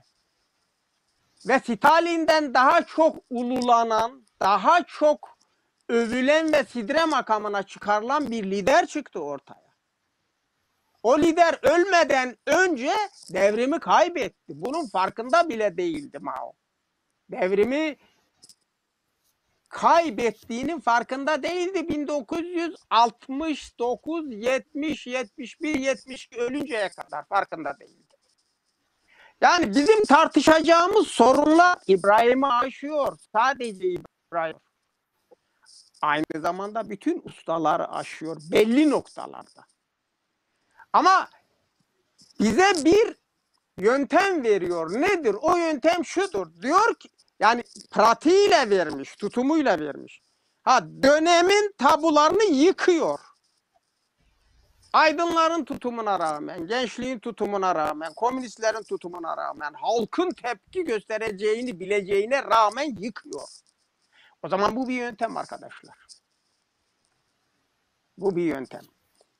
Biz bu yöntemi bugün demin Erdal işaret etti. Biz bu böylesi bir yöntemi bugün uygulayabilecek durumda mıyız? Değil miyiz? Kapasitemiz var mı buna? Yok mu? Cesaretimiz var mı buna? Yok mu? Ha. Evet. İbrahim'in İbrahim'in yöntemi kendi yaşadığı dönemdeki yöntemi şimdi uygulamaya kalkışsak o cephemiz yani bize karşı çıkacakların cephesi çok geniş olur. çok geniş olur ve biz azalırız. İşin bu yanı. Bak bu bir yöntem. İşin bu yanı var. Ama şimdi 50 yıllık bir süreçte oluşmuş güçler vardır. Bu oluşmuş güçler geçmişte İbrahim'in teorisini ne yapıyorlar? Tekrarlıyorlar. Tekrarlıyorlar. Yani onun karşısında bir eleştirel duruş içinde değiller. Ve şöyle bir cesaretin ortaya çıkması lazım. Sadece İbrahim değil. Tüm dünya çapında ortaya çıkan o komünist teori karşısında dik eleştirel bir duruş. O teorinin yaşayan ögelerine sahip çıkarak onu bütün muhasımlara karşı savunarak ama yaşamayanlarını da açıktan eleştirerek bir teorik duruş içinde olabilir miyiz, olamaz mıyız? Bu büyük bir Evet. mesele. Bence asıl mesele de budur. Günümüzün yakıcı meselesi de budur. Teşekkür ederim. Evet. Peki. Ee, Zafer Hoca ben teşekkür ediyorum. Bir 15 dakikaya toparlayacağız. Şimdi e, çok özet olarak, özetin özeti olarak e, kendi şeyimi de geçerken vermek istiyorum görüşümü. Şimdi bu değişme, değişmeme meselesinde e, bilim dışı bir, e, hatta akıl dışı bir yerden konuşmalar, sorular ve müdahaleler de olabiliyor. Değişme hayatın kendisidir. Bunu tartışmanın kendisi zaten bir sorun. Başlı başına hatta böyle patolojik bir sorun. Ki farklı şeyler söylenir mi? Bazen bazen farklı şeyler söylememek kendisi sorundur. Tıpkı Lenin'in Marx'tan farklı şeyler söylediği gibi farklı şeyler söyleye geliştirerek kendi devrimini başarıyor. Ve e, Mao'nun işte Sovyet devriminin yolunu e, takip e, etseydi eğer işte devrimini yapamayacağı biliniyordu Çin komünistlerinin. Ve e, buna karşı çıkarak e, durumu analiz ederek e, kendi özgün devrim yolunu buldu. Ee, Sovyetler dönemi sosyalizmin sorunlarını eğer işte Stalin tarzı çözmeye girişseydi e, korkunç şeyler olacaktı ve burada iknaya dönük, inandırmaya dönük, pratiğe, e, üretime katarak dönüştürme, e, bu, bu sadece kanlı tasfiyelerle olmaz. Bu e, yüz çiçek açsın, yüz düşünce akımı, e, fikri tartışsın gibi şeylere ulaştı. Sorun demek ki e, farklı şeyler söylemek değilmiş ama bu farklı şeyler tarihsel bir devamlılık üzerinde yani içinde yaşadığı, eleştirdiği sınıflı toplum uygarlığını kökünden aşıp geçme. Yani görüş değiştirmekle menzil değiştirmeyi çoğu zaman bizim çevremiz karıştırıyor. Görüş değiştirmek ve hedef değiştirmek, stratejik hedef değiştirmek. Burada bir sancı ortaya çıkıyor. Ee, Kaypakkaya da doğal olarak farklı şeyler söylüyor o güne kadar olmayan hatta kendisine aykırı şeyler söylüyor. Kendisinden başlayarak, kendisinden koparak söylüyor. Ama değiştirme eyleminden hiç vazgeçmeden canı pahasına bir değiştirme eylemi içerisinde yürüyor. Ee, bu, bu dünyanın 10 bin yıldır işte 10 bin yıllık sınıflı toplumunun değişmeyen şeyleri var. Ezme ezilme e, ilişkileri ve kategorileri var. 5 bin yıllık devletli e, tarihin değişmeyen e, haksızlıkları ve hiyerarşinin tahakkümü var. Ama öte yandan nesillerle birlikte sarsılan paradigmalar, değişen araç gereçler, çeşitlenen ilişkiler vesaire de var. İşte tam da burada hayatın hareketini takip ederek yeni şeyler söylemek, söyleyememek sorundur. Tam Muzaffer Hoca'nın dediği gibi buna cüret etmemenin kendisi sorundur. Üstelik de Kaypak Kaya gibi çifte cüret manifestosu değerindeki bir insana bakarak bunun takipçisi olduğunu söyleyerek bunu e, bu yapılabiliyor. Soruma geliyorum. Mehmet Hoca bugün Kaypak Kaya'da yaşayan öz nedir? Ne anlama geliyor? Bunun geleceğe tuttuğu projeksiyon değeri nedir? Buyur. E, bir beş dakikalık bir süremiz var. Biliyorum çok kısa. Bunu ileride başka formatlarda konuşacağız tabii ki. Evet. E, demin e, Oruçoğlu da dikkat çekti. Yani e, o yöntem aslında bugün için e, bizi belirli bir özede ulaştırmış oluyor. Ekonomik sosyal temelden hareket e, etme. Bunun için de e, e, Mao Zedong'dan da esinlenerek baş çelişki ve temel çelişki kavramlarını alıyor. e, baş çelişkinin özellikle Kürdistan'da belirleyici yani feodalizmle halk yığınlarını saptamış oluyor, o saptamış oluyor. Bir de e, Kürt ulusunun işte bağımsız devlet e, kurma hakkı diye düşündüğümüzde e, şeyin e, çelişkinin asıl yani baş çelişkini tabii toplumun belirli bir kesimi de baş çelişkiyle temel çelişkinin ne olduğunu da bilmiyor. Bazen tartıştığımız zaman konu yanlış yerlere de gidiyor. Yani temel çelişki değerli arkadaşlar değişen bir şey değil. Marksist teoriye göre te temel çelişki proletarya ile burjuvazi arasındaki çelişkidir. Yani İbrahim'in buna itiraz itiraz ettiği yok. Mao Zedong'un buna itiraz ettiği yok. Bu elde bir. Diyorlar ki bununla birlikte sistemi harekete geçiren bir çelişki daha olabilir. Bu öncelikli olabilir. Bu diğer çelişki, temel çelişki üzerinde de etkili olabilir diyorlar. Dolayısıyla şeyin benim anladığım e, İbrahim bu çelişkiyi asıl olarak Kürdistan coğrafyasında görüyor ki gayet makul. Orada hem yoksul köylülüğün bir e, şeyi var, e, e, direnç odağı olarak ortaya çıkmış, e, sömürüsü söz konusu. Hem de o, o kesimde ulusal talepler yani demek ki sınıf talepleriyle ulusal talepler e, birlikte olduğu için çelişki orada daha fazla ön plana çıkıyor. Öz dediğimiz hani düşünmenin e, özüne gidecek olursak şöyle düşünmüş yani diyor ki çelişkinin en yoğun olduğu yer ne olabilir? Birisi çıkabilir diye diyebilir ki bu coğrafya yanlıştır diyebilir. Düşünme yöntemi mantığında şu var. Diyorlar ki diyor ki bu yer Kürdistan'dır. Bunun içerisinde de burada da kalmıyor. Bunun içerisinde de diyor ki Dersim, Malatya, Urfa.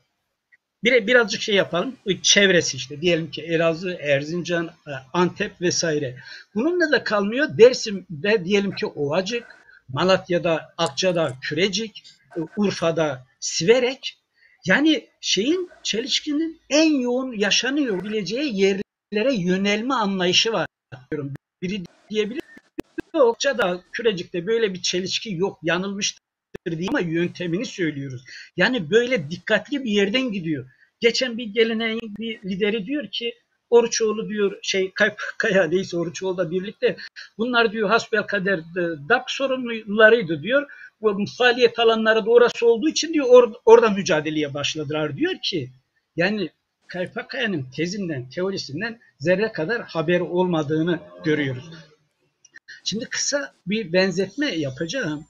Ee, bu, bu Avusturya Marksist Partisi, Avusturya Marksist Partisi çeşitli e, uluslardan e, oluşan, işte diyelim ki İtalyanlar, e, Almanlar, e, Ukraynalılar, Slovenler, Çekler, e, 5-6 e, ulusun olduğu bir parti. Orada Otto Bauer diyor ki, bu liderleridir Otto Bauer. Bu ulusal konularla sorunla çok uğraşmış. Onun bazı görüşleri de zaten tarafından getirildi. Ki, parti de diyor e, göçmenler ya da ulusal baskıya maruz kalan işçi sınıfına biz öncelikle şey yapmalıyız diyor, yönelmeliyiz. Çünkü bunlar diyor hem emek sermaye çelişkisi açısından mağdur oldukları için mücadeleye daha yakın oluyorlar e, ayrıca da ulusal talepleri olduğu için. Bakınız bu benzetmeyi biz e, zihniyet olarak, yöntem olarak Kaypakaya'da da bulunabiliriz. Bu yüzden mesela e, coğrafyası. Değerli arkadaşlar yani bugün bugün bugün mesela geçen bir arkadaş yine bu tür bir televizyonda konuşuyor. Hep kuyrukçusu mu olacağız diyor. Bakınız geleneğinden gelen bir bu HDP'de Kürt Ulusal Hareketi'nin inan dolayı ortaya çıkmış demokratik bir e, platform. Yani şeyi e, anlayışı bile bu şekilde değerlendirirseniz siz İbrahim'i bugün içinde o zaman içinde e, yorumlayamazsınız. Onu belirteyim. Bugün için peki yani ardılları olarak neye özen gösterilmesi gerekir? Ee, Zamanında zaten İbrahim bu konularla kısmen de ilgilenmiş. Ben kendimce bunu birazcık geliştirerek e, söylemek istiyorum. E, ya proletaryanın bayrağını esas almak bir komünizm mücadelesinde olan hareket için zaten e, anlaşılır bir şeydir ki bunu yapmış, kurduğu partinin adına komünist diyor ki bu tartışmalar epeyce olmuş. Şimdi e, burada detaya girmeye lüzum yoktur. Böyle bir partinin bayrağında bugün için yani diyelim ki Kaypakaya bugün olsaydı bu bayrak sadece işçi sınıfının talepleriyle sınırlı olsun demezdi. Bu bayrağı mutlaka ve mutlaka bazı geleneklerin küçümsediği Kürt Ulusal Hareketi'nin hem talepleri hem yarattığı dinamizm bu bayrağa yazılırdı. Bir. İki, yine halen belir, belirli kesimlerin Türkiye'nin e, sosyal durumundan neredeyse haberdar değilmiş gibi hareket eden bazı çevrelerin ihmal ettiği Kızılbaş Alevi toplumunun talepleri ve yarattığı dinamizm şekilde yazılırdı. Yani o günkü koşullarda yazılmamış olabilir ama bugün yazılırdı. Sayın seyirciler, değerli arkadaşlar, e, kadın hareketi, bu kadın hareketi herkes biliyor ki 80'den önce bu kadar baskın bir hale gelmemişti. Bu yaşamımızda bile etmeye başladı. Kadın hareketi öyle ya da böyle belirli bir ortaya koydu. Belirli talepleri var. Tabii biz kadın hareketi e, e, feminizmle belli bir çatışma olsa bile bir hareketi var ve bunun talepleri var. Bu kadın hareketinin kazanımları ve talepleri proletaryanın bayrağına yazılsın isterdi KPK'ya. Şöyle demezdi. Bunlar kimlik siyasetleri, biz bunları reddediyoruz demezdi. Gençlerin taleplerinin bu bayrakta yer almasını isterdi. Çevre hareketleri, yeşil hareketleri. Bu harin taleplerini, kazanımlarını bayrağa yazılsın isterdi. Değerli konu ederek bitireyim. Ben anlayamıyorum. Yani herhangi bir gelenek, herhangi bir sol hareket Kürtleri dışlayarak, Alevileri dışlayarak, kadınları dışlayarak, gençleri dışlayarak, kimliktir diye e, çevre hareketlerini dışlayarak e peki nasıl bir toplulukla yani eğer bu devrim bir kadronun darbesi değil de kitlelerin eseri olacaksa bu kitlelerin bu tür özellikleri var yaşıyoruz. Yani bir yere gidiyorsunuz size öncelikle hangi fabrikada ne iş yapıyorsun demiyorlar ki. Diyelim ki bir örnek hani nerelisin diyorlar. Yani şimdi siz bunu hesaba katmazsanız Kürt müsün diyorlar. Siz bunları gericiliktir vesaire derseniz bakınız daha da ilginci bugün için bir şeyi e, e, e KPK'ya e, şeyin düşüncesinin az çok e, etki alanını araştırıyorsak antikapitalist Müslümanlar diye bir nesil Değerli arkadaşlar İslam dediğimiz biz İslam'a düşman olmamız gerekmez. İslam'ın içinde kendisini var eden emekçi sınıflar var. E, bu sınıflara nasıl gideceğiz? Bir şekilde gidilmesi lazım. Laikler diyoruz. Sermayenin partileri faşist tamam kabul. Yani hem İslamcı partisi faşisttir. Yani KPK'nın mantığına uygun olarak söylüyorum hem de layık partisi faşisttir doğru. Ama bu partilerin tabanında işçiler, emekçiler, aydınlar, gençler, kadınlar bunlara yönelmenin bir yolunun bulunması. Yani ben derim ki KPK'nın mantığı bugün için bu sorunlara yönelmeyi bize şey yapardı, hatırlatırdı. Ee, evet. Burada bitiriyorum. Teşekkür ederim. Ben de teşekkür ederim Mehmet Hoca. Tabii sorunlar alabildiğine kapsamlı. Bunu belki gelecek yıl, yarım e, yüzyıl, 50. yıl dönümünde daha etraflı ve belki günlerce konuşacağız. Muzaffer Hoca, e, son e, olarak şimdi bu proletaryanın önderliği, yani sanki bu tanrısal bir buyruk ve proletarya ne işsizlerle paylaşabilir bu önderliği ne dinamik militan kadın hareketleriyle paylaşabilir ne de dinamik anti-kapitalist artık sistemi sorgulamaya başlayan ve bir adım sonrasında komünist olmak ıı, zorunda kalacak çevre hareketiyle paylaşabilir. Ve sanki kapitalizmin ezdiği, dibe batırdığı toplumsal katmanların sayısında bir artış olmadı. Ve proletaryanın ilahi zannedilen ki dünyanın bazı kıtalarında işsizlerin sayısı işçilerin sayısını da aştı. İşsizlerden çok az söz edilmesi bana bazen şeyi ironik gelir, e, garip gelir. E, sanki bu e, ulvi, e, ilahi, değiştirilemez, paylaşılamaz önderlik misyonu en azından işsizlerle, işçilerden daha kötü durumda olan ve kadın hareketleriyle sanki bununla paylaşılamaz yeni paradigmalar ve bunun araç gereçleri yaratılamazmış gibi bir şey de oluşabiliyor. Ee, bugün e, yaşayan öz ve araç gereçlere dair son olarak e, neler söyleyebilirsin? Mesela diyelim işte halk savaşı ne işe yarıyor diyor bazı arkadaşlar sadece işin e, askeri yolunu soruyorlar. Ama bugün yaşayan öz e, siyasal bir devrim ancak sosyal devrim perspektifiyle desteklenmiş. Yani sosyal devrim hedefli, tüm bir toplumsal devrim e, hedefli bir siyasal devrim. Buna hangi askeri yollardan, kaç tane askeri yoldan gidiyor? Devrim kara İHA'ları ne yapacaksınız, SİHA'ları ne yapacaksınız falan gibi şeyler de soruyor. Buyur. E, serbest olarak son sözünü e, yani kapanış bölümünü yapabilirsin. Söz senin. Teşekkür ederim. Ee, tabii bir defa mevcut anlayış e, herkes için söylemem ama mevcut anlayışta şöyle bir şey vardır. Ta engelse kadar dayanıyor. Proletaryayı devlet haline getirmek. Ee, İbrahim'de böyle bir anlayış yok. Buna yakın bir anlayış var. Yani devleti genel olarak proletarya diktatörlüğünün bir cihazı olarak görüyor. O diktatörlüğün bir parçası olarak görüyor. Yani asıl proletarya diktatörlüğü proleter örgütlerin doğrudan uyguladığı diktatörlüktür. O işi demokrasi. Yani nedir diyelim ki komünler aracılığıyla Çin'de oluyor. Ee, şeyde Sovyetler aracılığıyla oluyor.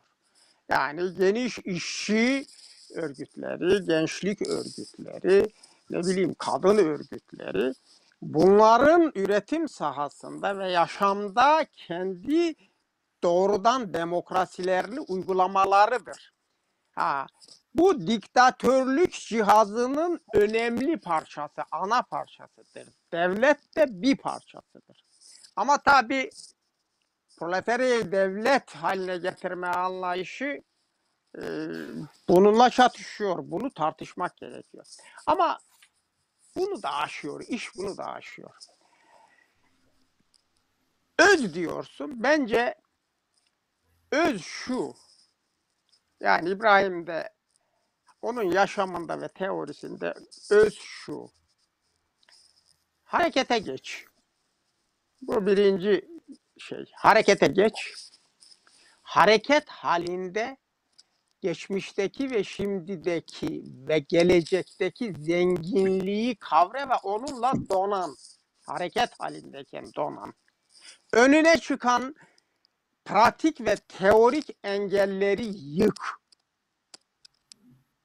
Hareketi esas alarak yık. Bak bu bir öz. Şimdi böyle hareket ettiğin zaman fazla adam bulamıyorsun. Fazla adam yok. Belki ben de yokum. Şimdi neden bulamıyorsun? Çünkü genel tip şudur devrimci tip. Hareket halindeyim ama geçmişle donanmamışım. Mevcutla da azıcık donanmışım. Gelecekle de çok güçlü bir şekilde donanmamışım. Aradan geçmiş 15 yıl, 20 yıl valla donanmamışım ama hareket halindeyim. Bu değil işte. Buradan ne çıkmıyor? Yenilik çıkmıyor. Buradan gerçekten derinlikli teorik ve pratik yıkma hareketi ve kurma hareketi çıkmıyor. Bence öz bu. Benim diyecek başka bir şeyim yok. Teşekkür ederim. Evet.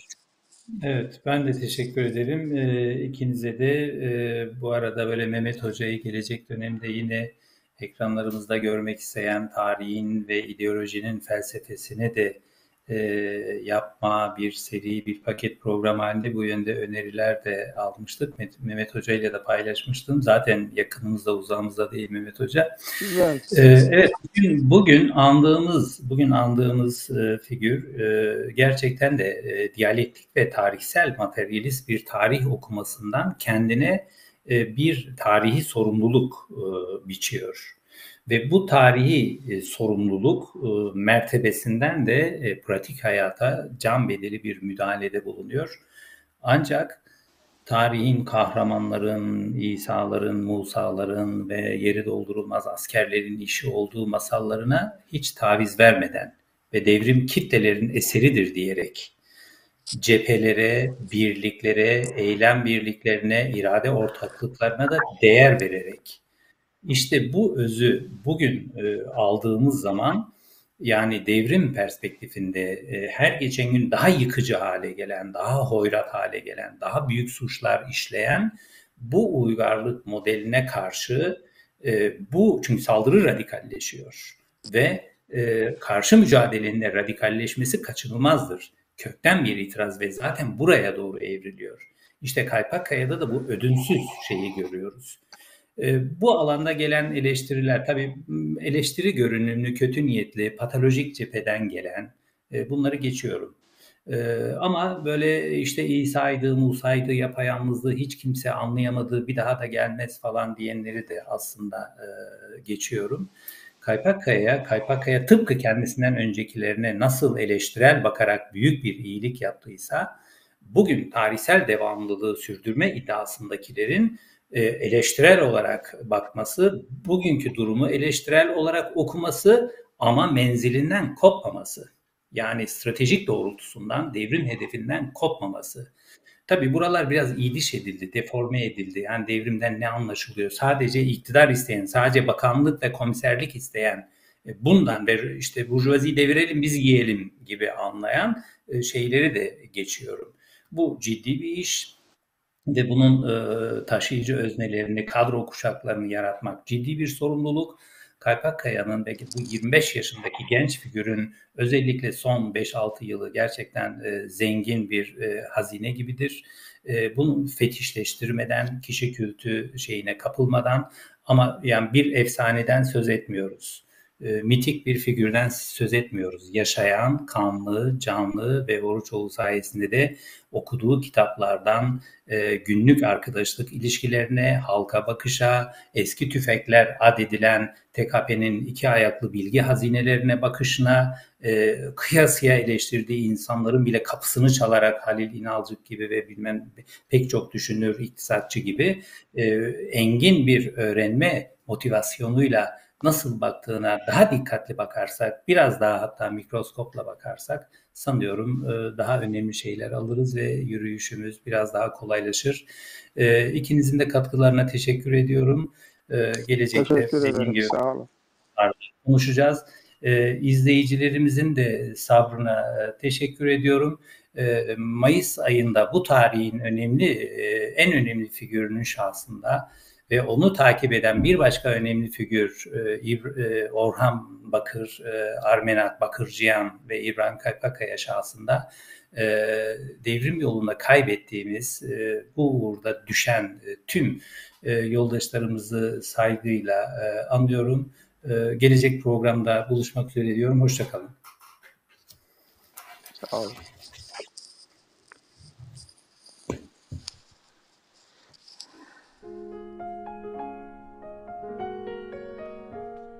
Sans doute, mon amour, on n'a pas eu de chance.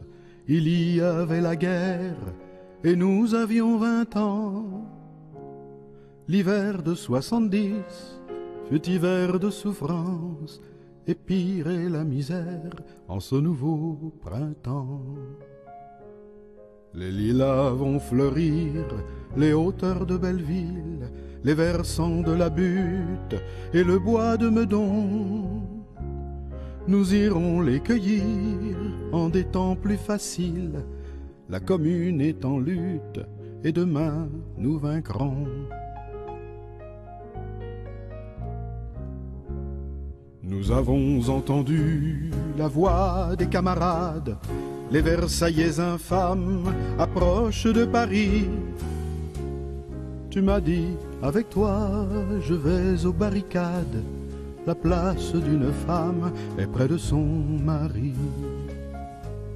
Quand le premier de nous est tombé sur les pierres, en dernière culbute, une balle en plein front, sur lui tu t'es penché pour fermer ses paupières. La commune est en lutte et demain nous vaincrons.